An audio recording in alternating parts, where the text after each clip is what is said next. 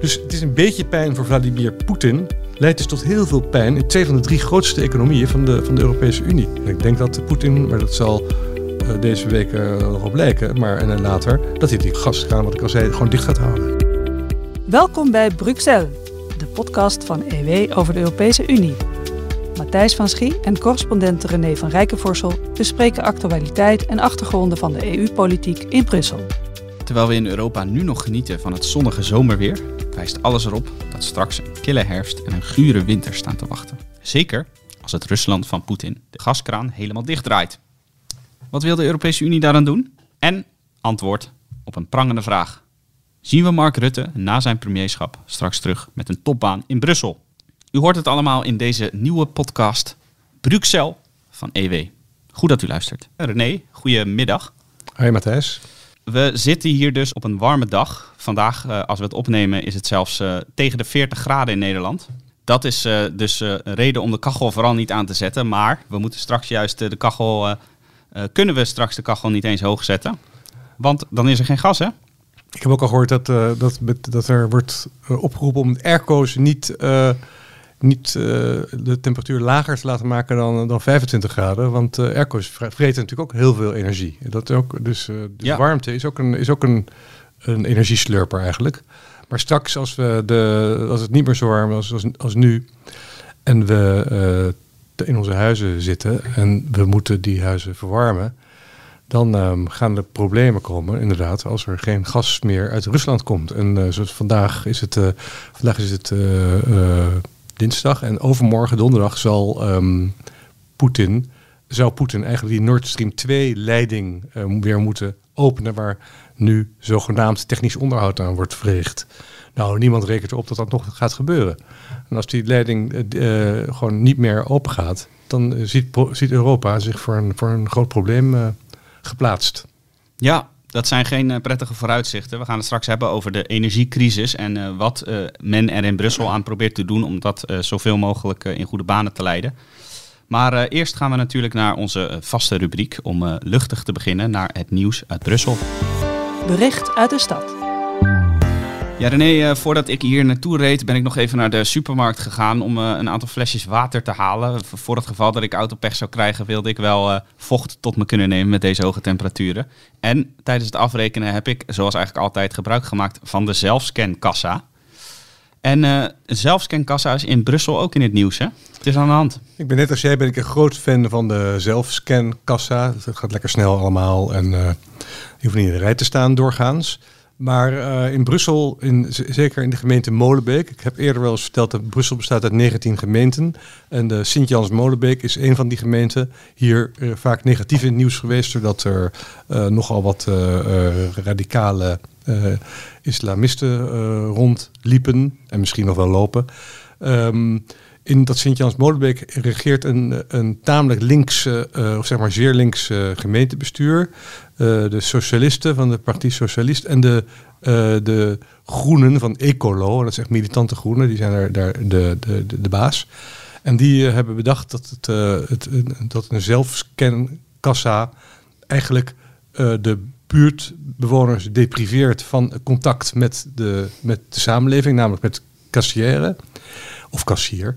Um, en uh, bovendien dat een zelfscankassa uh, jobs, zoals dat in België zeggen, uh, eigenlijk opslurpt. Dus doordat er een zelfscankassa is, zou er een kassière zonder werk zitten. Klinkt wel plausibel. Ik, ik liep net toen ik naar die zelfscankassa was geweest, zag ik uh, de normale kassa. En toen knikte de cashier heel vriendelijk naar mij. Maar die had helemaal niks te doen. Dus ja, waarom zou je die daar dan nog de hele dag laten zitten? Ja, dat weet ik niet. Maar je, ziet wel, dat is ook een beetje het verweer. Want nee, laten we even zeggen wat er aan de hand is. Eerst, dat is veel handiger voor de luisteraar. Ja. Uh, de, dat gemeentebestuur in Sint-Jans-Molenbeek heeft besloten om een, om een belasting uh, te heffen per zelfscankassa van 5600 euro per jaar.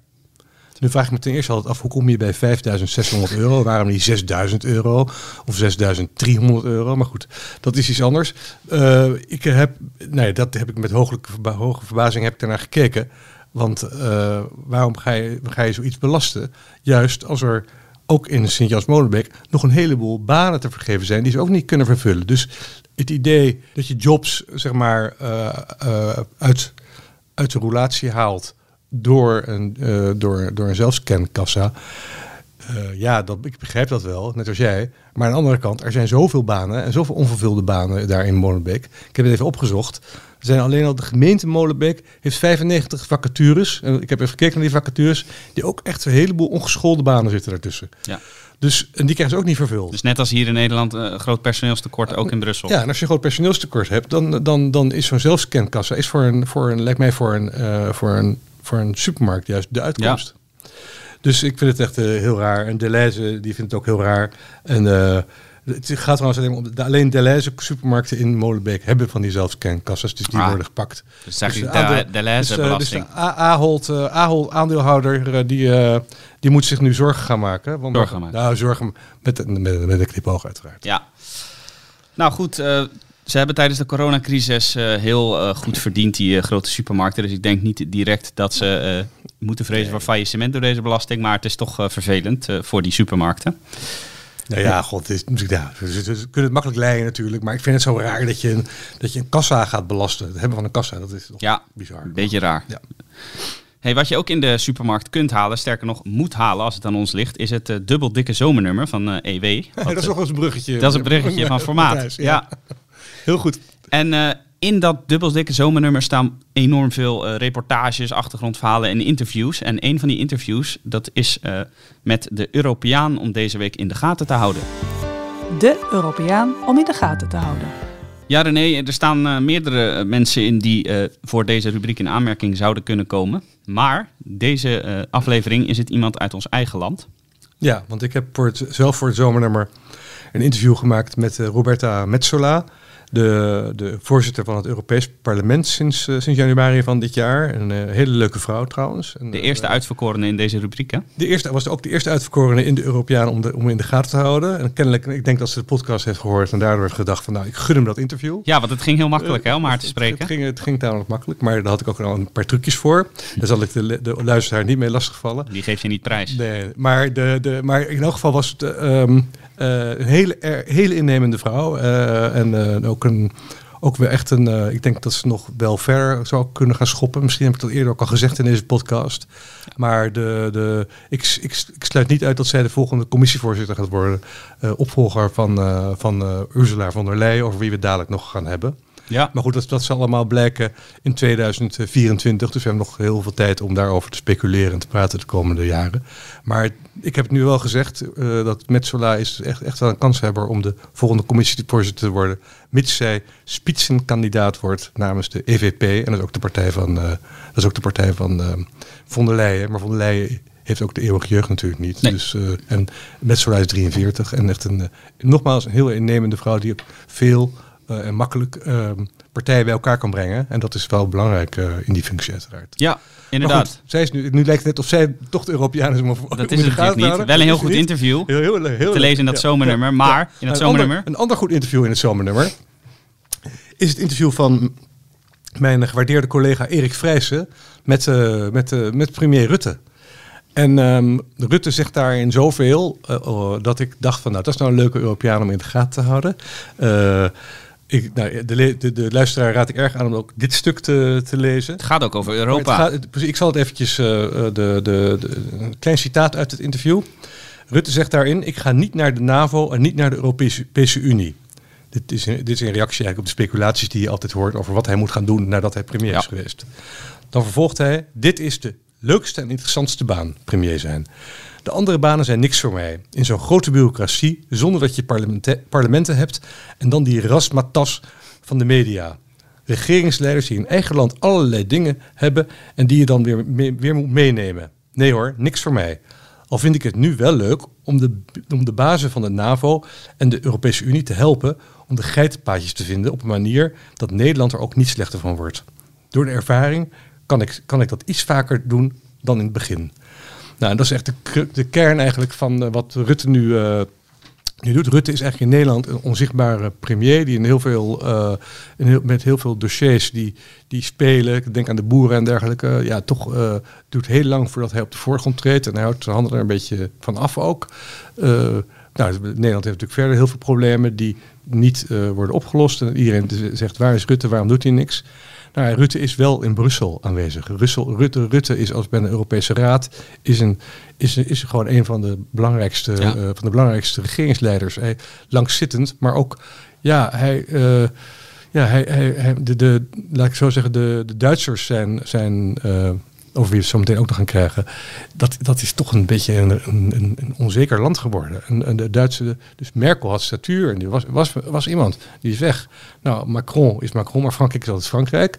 En dat is, die gaan toch voor hun eigen belang vooral. Nou, Italië is, is, is ook in, de, in, duigen, uh, lijkt het wel. Het is altijd onbestuurbaar geweest. En nu Draghi dreigt nu ook uh, weg te gaan. Uh, dus wat, wat, blijft er over? Nou, meneer Rutte, die daar toch in de Europese Raad... Nou, hij zegt geitenpaadjes vinden, maar hij... ik heb wel eens gehoord, uh, off the record, dat hij daar echt de boel zit op te jagen. En dan gaat rondjes lopen rond de rond de premiers als ze, en de regeringsleiders als ze er niet uitkomen. Om ze een beetje op te zwepen. En, uh, dus hij heeft wel degelijk een belangrijke rol in, uh, in Ja, Brussel. vandaar natuurlijk ook die speculaties dat hij misschien wel naar Brussel zou gaan, omdat hij daar zo goed ligt. Maar ik denk, weet je, hij kan het nu zeggen, maar als er, als er ooit een beroep op hem wordt... Kijk, hij wordt geen commissievoorzitter, dat gaat hij echt niet doen. Hij wordt ook niet de voorzitter van de, van de Europese Raad. Dat denk ik ook niet. Want dat is, de commissievoorzitter, dat is, ben je toch een ambtenaar uiteindelijk. Dan heb je veel minder macht uh, dan hij nu heeft je hebt wel macht, maar een ander soort macht. En dat is macht die, die duidelijk niet wil. Uh, Europese Raad, ben je secretaris van de 27 regeringsleiders. Dat zou echt, dat, ja, dat zal, dat zal die, en je bent daarbij daar ook bijna een zetbaas van, uh, van Frankrijk, ja. zoals, uh, zoals nu Charles Michel dat is. Dus de NAVO zou ik niet helemaal willen uitsluiten. Ook al omdat nu blijft Stoltenberg is een jaar langer gebleven, zoals je weet. Um, die gaat dus volgend jaar zomer weg, denk ik. En nou, als daar een beroep op hem wordt gedaan, kan die altijd nog wel zeggen van ja jongens, het beroep is zo groot, ik kon gewoon geen nee Ja, we weten natuurlijk ook dat bij Rutte beloftes niet in uh, beton gegoten Precies, zijn. Ja, en, maar goed, hij moet, hij, kan zich, hij moet zich dit wel kunnen herinneren, want het staat nu op papier. dat is wel het voordeel. Ja, die actieve herinnering die hebben wij voor hem uh, vastgelegd. Maar, maar nee, maar ik denk, ik denk dus, nou, maar goed, ik, ik, ik, bedoel, ik denk dat er wel veel waarheid hierin zit. Ik zou zeggen, sluit het NAVO niet uit, maar dat hij iets voor in de, in de Europese Commissie of de Europese Raad gaat doen, dat lijkt me toch redelijk uitgesloten. En laat hem maar in deze functie blijven, want hij doet het wel goed binnen die Europese Raad van Regeringsleiders. Daar heeft Nederland meer aan, denk ik, dan dat, dat hij een functie vervult uh, als Europees ambtenaar of als rechterhand van Macron in de Raad. Nou, we gaan zien uh, hoe lang Rutte nog uh, premier blijft. En als dat ten einde komt, of hij dan inderdaad naar Brussel gaat of niet. tegen ons heeft hij gezegd van niet. Dus nou, dat staat in elk geval. Ja, dat staat dus ook in het zomernummer. En nog een uh, grote reportage die we in de vorige aflevering al even hebben besproken. Want jij bent naar uh, de grens gegaan met, van Finland met Rusland. Dat is een uh, heel lang en ontzettend lezenswaardig verhaal. Hoe heb je het daar beleefd, René, in Finland? Ja, hoe heb ik daar beleefd? Nou, Finland is eigenlijk... alle clichés over Finland zijn waar. namelijk gewoon wegen die waar je 20 kilometer lang geen tegenligger tegenkomt uh, en niemand langs de weg ziet en geen huizen ziet en, nog geen, en geen beest ziet, alleen maar bomen en meren. En dan vooral dennenbomen. Uh, dat, is waar. Um, uh, maar wat ik niet zo wist van Finland is dat het zo'n ontzettend strijdbaar volk is. En dat het die... dat ze hebben echt... Ze hebben daar een ongelooflijk goed georganiseerd leger. ze hebben daar ongelooflijk veel reservisten. Ze hebben 200.000, 250.000 reservisten die direct oproepbaar zijn uh, en die ook gewoon bij, die ook nog elk jaar uh, training getraind worden, een paar dagen of een week, naar, al naar gelang je functie in het, in het leger. dus ze zijn ongelooflijk strijdbaar. En ze zeggen ook, Russen, kom maar op, wij, wij, wij kunnen beter vechten dan de Oekraïners. Ja, de Russen hebben daar natuurlijk al eens een uh, verpletterende nederlaag geleden, Precies. zoals je ook beschrijft. Ja, ja, het, was niet, het was niet een verpletterende nederlaag, maar ze hebben toen eigenlijk maar een heel. Ze hebben toen, zijn toen Finland binnengevallen, maar toen eigenlijk met de staart tussen de benen weer, terug, weer terug, teruggetrokken. Uh, ze hebben wel een paar stukjes Finland toen ja. in Karelië afgepakt, maar, maar, maar, maar nooit gekregen wat ze eigenlijk wilden. Dus dat, uh, en dat, dat, maar dat, maar die, en die oorlog, die, die 1939, 1940, de winteroorlog, zit echt in de genen van, dat, van de Finnen. Uh, en dat Finse leger is wel eigenlijk ook alleen maar om de Russen te, ja. te weerstaan. Over andere oorlogen hoeven ze zich ook niet direct zorgen te maken natuurlijk. Nee, voorlopig. Nee. nee. Maar goed, nu hebben we natuurlijk het hele gedoe met de NAVO. En dat is wel, uh, sp blijft spannend. Hè? Dat iedereen denkt dat het een gedane zaak is met, uh, met Erdogan. Dat hij, uh, omdat hij tijdens de top in Madrid eind juni heeft toegestemd in de toetreding van Zweden en Finland. mits Zweden vooral nog wat van die wat Koerden die hij terroristen noemt uitwijst. Maar, uh, maar Erdogan zegt nu, ja, ik kan het pas voorleggen aan het parlement. Of het parlement gaat er pas over stemmen. Als de Zweden daad bij het woord hebben gevoegd. Ja. En in Zweden heb je, net als in Nederland, heb je allemaal rechters en, en gedoe. Nou ja, ik, ik, ik, sluit niet uit dat, dat, uh, dat de Zweden niemand kunnen uitleveren, omdat hun rechtsstaat dat, uh, dat niet toestaat. En dan blijft Finland ook solidair. En daarmee zal, en daarmee zal ja, nou, Finland zal solidair blijven. En, uh, en, en, en, en, de, en, en de Turken gaan niet toestemmen. En daarmee zal de, is het best mogelijk dat Zweden en Finland toch geen lid kunnen worden van de NAVO. Dus nou. dat wordt nog heel spannend. Maar die Turken zijn super goede onderhandelaars. Hè? Dat uh, onderschat dat niet. Goede diplomaten, goede onderhandelaars. Dus die zien misschien, ja, misschien dat ze ook nog wel iets nog meer kunnen krijgen. En dat ze dan daardoor toch weer akkoord zullen gaan. Maar het is een, uh, het is, het is een verhaal wat nog, nog, nog, nog lang niet voorbij is. Terwijl nee. uh, het Hosanna al geklonken heeft. Ja, dus, uh, nou, mocht, mocht Finland dan door deze Turkse opstelling toch niet bij de NAVO kunnen komen... dan is het maar goed dat ze zo'n goed getraind leger hebben... waar jij dus uitgebreid over hebt geschreven. Ja, ik denk dat de NAVO meer aan Finland heeft dan Finland aan de NAVO ja. in zekere zin. Nou, dat is, uh, dat is een uitspraak uh, die, uh, die best wel bijzonder genoemd mag worden. Sterke Finnen en ook een heel bijzonder land, zoals je dus beschrijft. René, we hebben het eigenlijk vooral nu over promotiepraatjes gehad. we hebben ons zomernummer aangeprezen, natuurlijk wel wat achtergrond erbij geboden. Maar er zijn natuurlijk ook actuele zaken die ontzettend belangrijk zijn voor onze alledaagse levens. Ja. Dan gaat het met name over energie. Dus dan gaan we nu naar het hoofdgerecht van deze podcast. Bruxelles, de hoofdmoot.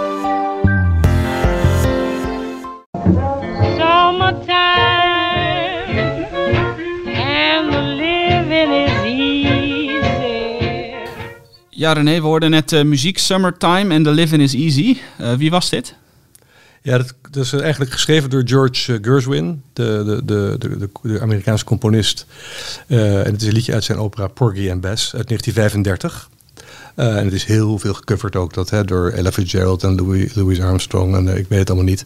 Maar het is een, het is een, heel mooi liedje. En het is een mooie, mooie tekst ook. En, maar ook wel van toepassing eigenlijk op het onderwerp waar we het nu over gaan hebben. Want living is nog wel easy. Ja, we, klagen nu wel een beetje over de hitte. maar dat is eigenlijk... Kijk, ik vind die hitte zelf allemaal wel te, wel te verdragen. Maar kou, echte kou, is veel minder, makkelijk te verdragen. Nou, en dat dreigt toch wel op ons af te komen. Um, als we niet alleen maar kou, maar ook machines die niet meer kunnen draaien in, in fabrieken. Uh, en dan met als gevolg dat de economie achteruit uh, kachelt. Nou, et cetera, et cetera. Dus er, er, er, er, er, hangt ons een, wat ik al heb, wat jij al zei, toch een beetje een kille herfst uh, boven het hoofd. in die zin dat, dat ja, we, de, de, de, als er geen gas is, kunnen we ons niet. Um, ja, de, hoofd, de hoofdverantwoordelijke daarvoor zit natuurlijk in Rusland. Ja, die zit in het Kremlin. En die heeft, nou ja, vanuit zijn positie heeft hij natuurlijk gelijk. Hij gebruikt, hij gebruikt natuurlijk al zijn middelen die hij heeft. En hij heeft al best nogal wat om, om de boel te verstieren, overal in de wereld. Dus hij gebruikt energie om, om Europa in de kou te zetten en een economische recessie te bezorgen. Hij gebruikt voedsel om, om, om, om, om, hele volkstammen uit Afrika op, hoe heet het, dat die zich gaan, gaan migreren ja. naar Europa gaan migreren. Hij is gewoon overal is hij aan het onrust aan het zaaien. Nou, en vanuit zijn perspectief, dat hij gebruikt dus niet alleen maar wapens, traditionele wapens, hij gebruikt ook gewoon energie en voedsel als wapen om, nou ja, om toch Europa te confronteren met het, nou ja, met het feit dat zij, uh, of te confronteren, ja, toch terug te betalen voor het feit dat Europa zo ostentatief en met ook heel veel wapens en met geld, overigens ook heel veel geld, Oekraïne zo steunt. Ja, en nou, nou denk ik, als Rusland de gaskraan dreigt dicht te draaien, waar het wel naar uitziet, dan zou dat voor de Russische inkomsten toch ook een groot probleem moeten zijn, denk ik. Maar dat, dat valt blijkbaar wel mee. Net, gas, gas, gas naar Europa, naar de Europese Unie, hè? want Rusland heeft het meeste gas van alle landen in de wereld. Maar Rusland exporteert natuurlijk niet alleen maar gas naar de Europese Unie. Nee. Ze exporteren al die landen in de onder onderbuik, exporteren ze gas. Ze exporteren naar China, ze exporteren naar, exporteren naar India, whatever. Dus, wij, dus en Europa, is, India heeft 1 miljard of meer dan 1 miljard inwoners. Die hebben wel gas nodig. Gebruiken misschien minder gas dan wij hoor. Maar, maar goed, wij hebben heel veel industrie. Nou ja, je kunt je, dus er is, er is veel meer gas te exporteren voor de Russen dan alleen maar naar de Europese Unie. Dus van hun, dus voor, van, van het BBP van uh, het bruto binnenlands product van eh, Rusland. Dat is even groot eh, als dat van de Benelux. Dus een hele magere economie een eigenlijk. die mini-economie. Ja. Echt een mini voor zo'n enorm land, echt een mini-economie. Maar, maar ja, voor 2% daarvan, van die 1500 miljard eh, euro, eh 2% daarvan komt van, van gas. Van gas naar de Europese Unie. Ja, kunnen ze wel fluitje missen. van een cent. Dat kunnen ze missen. En dan kunnen ze een beetje verkopen ze nog wat meer aan anderen. Dan, eh, is het, weet, weet wel, eh, Matthijs, dat, eh, dat Duitsland eh, 55% van, eh, voor 55% van zijn gasinvoer eh, afhankelijk is van Rusland. En Italië voor 40%. Dus het is een beetje pijn voor Vladimir Poetin. Leidt dus tot heel veel pijn in twee van de, twee van de drie grootste economieën van de, van de Europese Unie. En ik, ik denk, ja, ik, ik, ik, eh, eh, ik denk, dat- ik denk dat Poetin, maar dat zal eh, deze week nog wel blijken, maar en later, dat hij die gaskraan, wat ik al zei, gewoon dicht gaat houden. Ja, en wat, wat wil de Europese Unie, de Europese Commissie meer specifiek daaraan doen? Nou, die, die, die hebben eigenlijk gezegd, alle, alle gasreservoirs in, in de Europese Unie moeten tot 80 procent, liever tot, liefst zelfs tot 100 procent worden gevuld met gas van elders. Eh, gas van elders, dat is eh, gas uit dat is liquid gas uit, eh, uit, eh, uit, weet ik, uit Canada of uit, eh, Amerika. uit Qatar of Amerika. Eh, er is net ook een contract met Azerbeidzjan is er gesloten. Die leverde 8 miljard kuub gas aan Europa. Vooral Bulgarije, Italië en nog zo'n zuidelijk land. En die, dat, dat wordt nu 12 miljard. Maar Azerbeidzjan, je zei net de onderbuik van Rusland. Azerbeidzjan neemt dan, neem ik aan, ook gas af van Rusland. Nee, denk het niet. Denk dat, Oh, nee, dat denk ik niet. Ja. Nee, dus niet de hele onderbuik van. Want anders ben je weer via Als een je omweg Russisch gas aan het je als foto's importeren. van Ba- Baku hebt gezien, dat is één grote, dat is één grote, dat, dat drijft op gas en olie ongeveer die stad. Ja. Dus eh, nee, dus dat, dat, dat niet de hele onderbuik van, Nee. van Rusland is afhankelijk van, eh, van Rusland. Eh, maar eh, dus die, die, die, die gastoevoer die moet overal gevuld worden. Nou, in sommige landen is die al, is die orde. Sommige landen hebben gewoon helemaal bijna niks erin zitten. Dat, eh, ik zag een staatje, ik geloof de Belgen, bij de Belgen is het 3% gevuld of is dergelijke 4% gevuld. Ik geloof Nederland is van 40%. Nou, die moet allemaal aangevuld worden. Nou, dat is al lastig. Dan moet er overal op die gasmarkt moet dan duur gas worden gekocht, want die Ja. prijzen gaan natuurlijk omhoog. Maar eh, ook dan, als ze dan zo vol zitten, dan kan eh, de Europese Unie, als het een beetje koud wordt, dan kunnen ze maximaal twee maanden vooruit. Ja, dat is wel krap. Ja, dat is wel krap. Dus, nou ja, dus, dus de Europese Commissie, en die, eh, die is er ook voor, en ik vind het ook goed dat ze dat doen. Die zeggen, ho jongens, dit is niet, dit niet genoeg om die dingen te vullen. Eh je moet er meer doen. En eh, de, de Europese Commissie die heeft dat eigenlijk een beetje na de, door de coronacrisis, toen ze de, toch de, gewoon de, toen collectief de medicijnen zijn, zijn ingekocht, de, de, de, de vaccins zijn ingekocht. Aanvankelijk ging het wel mis met de mondkapjes, maar later hebben ze dat helemaal goed gemaakt. Heeft von der Leyen dat goed gemaakt met de, met de inkoop van, eh, van, eh, van vaccins. Eh, die dan de- door de Europese Unie, door de Commissie werden gekocht en dan werden gedistribueerd over, over, over Europa, de Europese Unie. Daar heb je, daar, daar heb je, er werd wel heel erg gemopperd toen het met die mondkapjes misging, maar daarna ging het goed. en Toen hoorde je eigenlijk niet meer hoe goed het ging. Zo gaat het vaker, Door de tussenkomst van... eh, Goed van- nieuws is geen nieuws. dus, dat, dus, eh, en, dus de Europese Commissie denkt ook nu, we kunnen hier weer in zo'n cri- deze crisis ook een coördinerende rol spelen. En ik denk dat dat goed is. Maar die coördinerende rol is, die kan ook zijn eh, nu al in het aankopen van gas en het, en het distribueren over de landen. Maar die, wordt, die coördinerende rol is ook eigenlijk een beetje van alle landen moeten een beetje hetzelfde gaan doen. En dat betekent eigenlijk alle landen moeten gaan bezuinigen op hun gasverbruik. En het idee is nu, en dat uh, hou me een beetje ten goede, beste luisteraar, want de plannen komen morgen naar buiten, maar de echte plannen, maar zoals het er nu uitziet, uh, zal er minimaal, zal, dat, zal de aanbeveling zal zijn aan alle lidstaten dat ze minimaal 15% minder gas moeten gaan gebruiken. Zo. En dan zeg jij natuurlijk, Matthijs, ja, een aanbeveling. Uh, daar Wie houdt, gaat dat nou doen? Daar houdt bijvoorbeeld Hongarije zich helemaal niet aan of een ander stout land. Nou, dat is dan weer aardig. Er, is ook een, er zal een dwangmiddel worden ingezet. En dat gaat wel vrij ver. Maar er is een zogenaamd artikel 122. En daarmee kan de commissie in geval van nood, zoals een Russische gasstop, bindende uh, verbruikslimieten opleggen. En ik zal eventjes die artikel 122 heb ik opgezocht. Zo bijzonder hoor. Toen ik het las, dacht ik, oh ja, we hebben er over veel, over, over veel dingen nagedacht die nu spelen. De, de Raad kan op voorstel van de Commissie in een geest van solidariteit tussen de lidstaten bij besluit de voor de economische situatie passende maatregelen vaststellen. Met name indien zich bij de voorziening van bepaalde producten, in het bijzonder op energiegebied, ernstige moeilijkheden voordoen. Nou, dat lijkt wel geschreven voor uh, nu. Dat is ongelooflijk, hè? Dat vond ik heel mooi. En, uh, dus dat is wel, wel aardig, aardig, vond ik een aardig dingetje. Maar dat, wat grappig is dat het de raad op voorstel van de commissie. Dus dan denk je, nou, de Europese Raad moet dan dat, dat, dat voorstel overnemen van de commissie. Uh, dat gaat natuurlijk weer Hongarije ja. of, of whoever gaat het vetoen. Al die regeringsleiders moeten het ermee eens worden. Dat is nee, nogal een kluif. Dat is dus niet zo. In dit, in dit geval, artikel 122 wordt met gekwalificeerde meerderheid uh, uh, wordt dat aan, kan het worden aangenomen. Dat betekent dat je met ongeveer twee derde van de lidstaten het, het redt.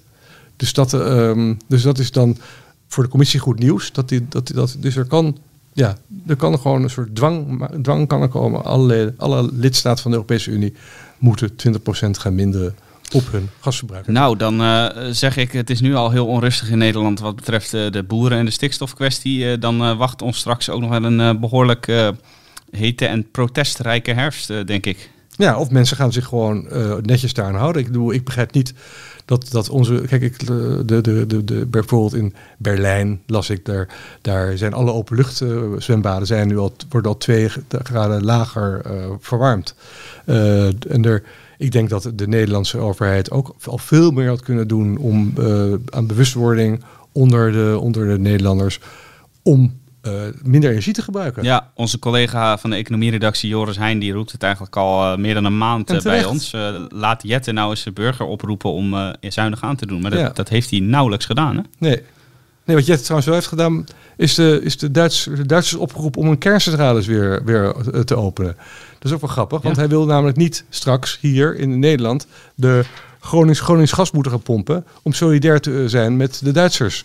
Dat is ook alweer geestig. Dus eh, de Jette die, eh, die moet nu eigenlijk gaan die moet eigenlijk versneld de kerncentrales gaan neerzetten in Nederland. Maar hij is nu de Duitsers aan het oproepen dat zij hun kerncentrales moeten openen, her, uh, openhouden. De drie die, nog open zijn nadat Merkel in 2011 besloot om de groene de pas af te snijden, wat niet is gelukt om die kerncentrales uh, om allemaal dicht te gooien. Weet je wel, dat was ja, Fukushima. kapitale fout. Ja, Fukushima was, was nogal een fout van mevrouw. En de, de, de Duitsers overwegen dat nu inderdaad om die niet, ik weet niet of dat aan Jetten ligt, vermoedelijk niet, maar de, de, eh, de Duitsers overwegen nu inderdaad om die kerncentrales open te houden. Dat zou een enorme uh, slingerbeweging zijn van de groenen met name, die eigenlijk bestaan bij de gratie van een anti-kernenergie standpunt. Maar je kunt zeggen wat je wilt. Die groenen hebben zich ook de afgelopen tijd, ook als het ging om bewapening van, van de Oekraïners en dergelijke, ook niet zo pacifistisch gedragen. Dat, zijn echt, dat is echt een club die gewoon realpolitiek, uh, die weet wat realpolitiek is. Ik heb daar wel bewondering Ja, dat is bij onze groenen wel anders. Ik, kijk wel, ik heb bewondering naar hoe, de, hoe, de, hoe die Duitse groenen dat doen. Nu ze regeringsverantwoordelijkheid uh, hebben. Echt, uh, echt knap. Dus zou je, het moet je niet verbazen als straks inderdaad die kerncentrales open blijven. En dan moeten ze wel iets voor terugkrijgen, die, die, de groenen, uiteraard. En dat als doekje verbloeden zou dan besluit worden genomen dat de automobilist, die in Duitsland nu nog onbeperkt gas mag geven, overal een maximumsnelheid van 130 aan de broek krijgt. Nou ja, dat zullen wij in Nederland zouden ervoor tekenen dat we overal 130 ja, moeten rijden. wij dus, mogen sowieso al 100. Dus, dus 130 bof je dan dus nog wat mee. dat betreft uh, is dat allemaal niet zo erg. Maar dat zou toch wel een, ook wel weer een spectaculaire uitkomst zijn van deze Oekraïne-oorlog. Die al zoveel spectaculaire uh, ontwikkelingen heeft, ons heeft bezorgd. Ja, spectaculaire ontwikkelingen met toch onverwachte bondgenoten en partijen die, zoals de Groenen in Duitsland, toch afstappen van bepaalde principes ja. als het echt nodig is. Ja, dat ja, is nou, heel interessant. Over principes gesproken, Matthijs, misschien ook nog even aardig om hier nog even aan toe te voegen, is dat, de, dat, dat ja, wij moeten dat dus dat gas niet, mogen we niet meer bij Rusland uh, afnemen, maar dat moeten we dus elders halen. Maar, en dan komt weer het de vraagstuk van, mogen wij, hè, moreel superieure Europeanen, die altijd met het vingertje zwaaien, mogen wij wel in landen als Azerbeidzjan nog meer gas gaan halen, of in Qatar, Hè, waar het natuurlijk ook met de mensenrechten niet goed is gesteld. Nou, en eigenlijk als je het goed, als je de wereldkaart kijkt en je kijkt naar de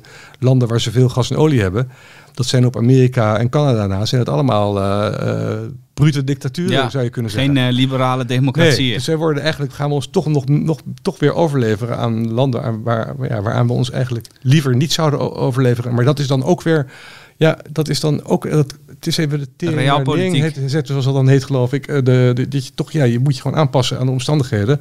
En uh, dat zal nu ook wel gaan gebeuren. Maar het zal ongetwijfeld weer tot kritiek gaan leiden van mensenrechtenactivisten, et cetera, ja. die zeggen dat het niet kan. Dan vechten dus in, uh, in Brussel de dominee en de koopman uh, ook weer om voorrang. Ja, ja. En, de, en zo is het. Maar, daar, maar de, in Brussel is de, is de koopman, of zijn ze meer koopman op dit moment dan, dan, dan, eh, dan dominee. Het was vroeger wat meer dominee, waren, zou Ja. je kunnen zeggen.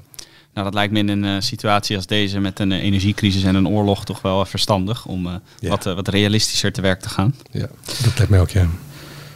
Nou René, de- dan hebben we het gehad over de nucleaire optie, zoals jij het al eh, noemde. De, Duitsers, ja. Ja, Ja. de eventuele heropening van de Duitse kerncentrales en ook eh, de, de Brusselse plannen om eh, de energiecrisis die ons in de herfst en de winter staat te wachten, te lijf te gaan. Je zou nu nog een liedje kunnen draaien. Nadat we toch al het liedje hadden uit Porgy en zou je nu nog krachtwerk kunnen doen met, Nou. met Autobaan. Nou, dan gaan we dat ook doen hierbij. geniet ervan, als het uw smaak is. En anders Maar kunt u, 130 hè, mag u. ja, 130.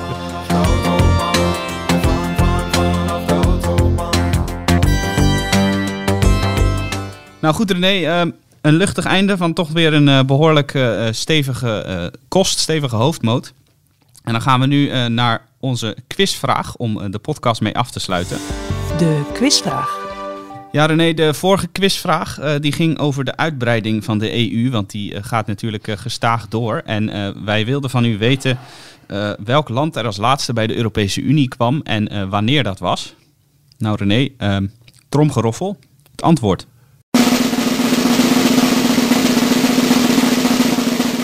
Dat was eh, Kroatië in eh, 2013, 1 juli 2013 om eh, precies te zijn.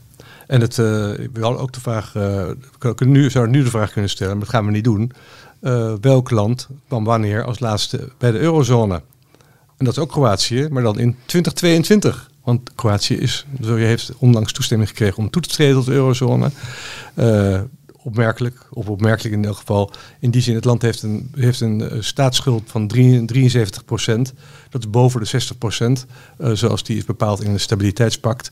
Eh, maar kennelijk is dat geen reden om een land niet Ook hier, ook zijn principes weer heel weinig waard, als ik het zo Ja, hoor. ik, vind het, ja, ik, ik, ik verbaas me daarover. Ik denk van ja, het lijkt me toch, het lijkt me toch raar, raar dat je landen gaat toevoegen die nog niet voldoen aan de eisen die je aan de, aan de lidstaat, aan, aan, aan de, lidstaat van de euro eh, Ja, paar, ma- stelt. paar maanden Niet dat zich daaraan houden, maar me, je moet wel met de schone lei beginnen, zou ik Dat lijkt me ook inderdaad. Als je al begint met, eh, met een te grote staatsschuld, dan kan het alleen nog maar slechter gaan als je er eenmaal bij zit, lijkt me. Ja. Nou ja, eh, begin dit jaar eh, opende Hans Hogevorst, oud-minister van Financiën, nog de discussie of wij niet uit de eurozone misschien wel zouden moeten vertrekken als uiterste redmiddel. Ik denk dat eh, als eh, landen met te grote staatsschulden zoals Kroatië erbij komen, dat die discussie niet zal verstommen. Nee, de discussie ook niet voor, voor stommen als nu de, de, als nu de, de rente de spread nog groter gaat worden. Hè. Dus dat wordt nu allemaal kunstmatig tegengehouden. Maar als de ECB dat niet meer kan tegenhouden, dat, die, dat het renteverschil tussen ste- stevig, stevige financiële landen als Nederland en Duitsland en bijvoorbeeld Italië, als dat renteverschil te groot wordt, waardoor er bij allerlei trucs, monetaire trucs moeten worden uitgehaald, ja, dan gaat het gesputter ook weer komen. Ja. Dat kunnen we ook nog erbij krijgen deze herfst. Wordt gezellig. ja, inderdaad. Nou, in deze Hete podcast herfst, eh, ja. doen we er allemaal verslag van. Altijd met een eh, goed gemoed. Want ja, Maar je moet de prijswinnaar nog even... ja, ja, ja, dat klopt. Die zit de hele tijd te luisteren dus. ja, daarom. Dat was de cliffhanger voor het eind, zodat ze blijven luisteren. Nee, eh, we hebben drie winnaars uiteindelijk, die eh, eh, zowel het land als het jaartal goed hadden. Eh, en dat zijn Huip van Eimeren, eh, Koen Stoutjesdijk en een bijzondere luisteraar, want die woont in Brazilië, in Campinas. Ik hoop opnieuw dat ik het goed uitspreek. En dat is Ruud Berkers. In het verre Brazilië geïnteresseerd in de Europese Unie. Heel goed dat u luistert. En eh, gefeliciteerd allemaal. Jullie eh, ontvangen een eh, speciale editie Europese Unie. En u kunt natuurlijk aan de volgende quizvraag ook weer meedoen. En dan kunt u uw antwoord sturen naar bruxelles.ewmagazine.nl. En dan maakt u dus weer kans op die speciale editie. En daar kunnen natuurlijk ook tips, opmerkingen, verbeterpunten of onderwerpen die u graag besproken ziet naartoe. Dus eh bruxelles.ewmagazine.nl. Nou, dan rest ons... Ik heb nog even een vraag aan je, Ja. Matthijs. Zijn we wel inclusief genoeg? Want ik heb geloof ik nog nooit een vrouwelijke prijswinnaar eh, voorbij zien komen. Volgens mij één keer. Oké. Maar ja, we, we zouden met alle liefde een prijs aan een vrouw uitreiken. Maar die, Maken die zijn er niet zo gretig Maken in. we een te mannelijke podcast Nou, dat denk ik niet, want eh, we hebben eh, Roberta Metsola Ja. hebben we net weer besproken. Ja, zij was de eerste. Europeaan om in de gaten te houden. Dus ja, wij zijn dan weliswaar allebei mannen, maar wij proberen toch echt wel te denken aan het andere geslacht. Ja, nou, ik zat nog even de- tij- tijdens mijn vakantie nog even over nadenken wat we daaraan kunnen doen. Ja. Nou ja, we hebben ook trouwens een vrouwelijke gast gehad met Ja, Asita. Kanko. Dus nog, ja. ik denk dat ons in dat opzicht niet zoveel te verwijten valt, René. Goed, dan, eh, dan rest ons alleen nog de nieuwe quizvraag voordat deze podcast weer ten einde is gekomen. Ja, René, onze quizvraag eh, gaat ditmaal over de Europeaan om in de gaten te houden, Mark Rutte. Hoe luidt de vraag van deze aflevering? Nou ja, zoals ik net al zei, Rutte die heeft in Elsevier stellig beweerd dat hij nooit naar de Europese Unie of naar de NAVO zou willen. Maar een voorganger van Mark Rutte wilde dat juist heel erg graag, naar de EU en naar de NAVO. Maar die, was het, die werd, het, werd het uiteindelijk niet gegund. Nou, twee vragen eigenlijk. Ehm, wie was dat? En door wie en door welke twee personen werd hem dat niet gegund? En dat is wel een leuke vraag, vind ik zelf. Ja. En niet al te moeilijk, maar, nou ja, maar ook, niet, zo, ook niet helemaal zo Nee, te zoeken, denk ik. Net genoeg uitdaging inderdaad. Dus eh, stuur weer eh, uw antwoord in. Nogmaals naar bruxelles.ewmagazine.nl. En wie weet wint u dan. Speciale editie Europese Unie. Nou René, eh, we zitten met eh, hoge temperaturen in de podcaststudio. Die gaan we snel weer verlaten, ondanks dat het hier best goed toeven is. Zijn er nog zaken waar de luisteraar op moet letten? Of waar jij op gaat letten de komende tijd? Of is het vooral even uitrusten nu en wachten tot de herfst weer gaat komen? Ja, het is een beetje een rare tijd nu, want je ziet dat Brussel al, al, al eh, langzaam leegloopt. Eh, en dat eh, per, na, na 1 augustus is het eigenlijk, is het eigenlijk helemaal stil tot 1 september in Brussel, denk ik. Dus we gaan dan niet zoveel vernemen vanuit de Tenzij, zoals vorig jaar, op 15 augustus viel toen Kabul. Ja, Dus toen was het meteen een bal. Ja, dat is mijn Maar- laatste vraag overigens. Die had ik nog willen stellen. Je zit eh 1 augustus, zit je Ja. een jaar in Brussel. Ja. Je begon inderdaad met eh, de val van Kabul. Dat was een heftige eh, gebeurtenis. En nu zijn we bij een oorlog in Oekraïne al een tijdje. Hoe heb je dat eerste jaar beleefd? Ja, god, moet ik dat. Misschien is het wel leuk om het volgende keer dan te bespreken, want dat, dat zou een wat langer antwoord wel vergen, denk ik. Maar ja, ik bedoel, ik, als, als journalist voel ik me als een vis in het water daar. Ik geniet. En ehm, er gebeurt zoveel. Het is niet allemaal niet bij te houden. Zoveel is het. Maar en ik heb een leuke rol. Mag, ik mag van Elsevier eigenlijk alles doen wat ik wil. En ik vind het een van de leukste dingen die ik ook mag doen, is de podcast maken. En dat, dit, was de Gelukkig. twaalfde, dit was de twaalfde, geloof ik al. Nou, ik had vorig jaar, toen ik ging, niet voorzien dat we dit zouden doen. Dat is ook nog een hele leuke, Ja. leuke bijkomstigheid. Dus eh, ik geniet met volle teugen. En eh, volgende keer misschien even inhoudelijk over een jaar. Ja. Dat. Dat is goed. Nou, hopelijk geniet u ook eh, met volle teugen van deze podcast. Binnenkort zijn we er weer. René, bedankt. My pleasure. En eh, graag tot de volgende aflevering. Dag. Dag. Hartelijk dank voor het luisteren naar Bruxelles, de podcast van EW over de Europese Unie. Wilt u de artikelen lezen die Matthijs en René zojuist hebben besproken? De links zijn te vinden in de beschrijving. Meer podcasts van EW luisteren? Ga dan naar ewmagazine.nl/slash podcast. Vergeet ons ook niet te volgen op Facebook, Twitter en Instagram via het ewmagazine.nl. Heeft u interesse in een abonnement op EW, digitaal of ook op papier? Kijk dan op ewmagazine.nl slash abonneer. Graag tot de volgende keer.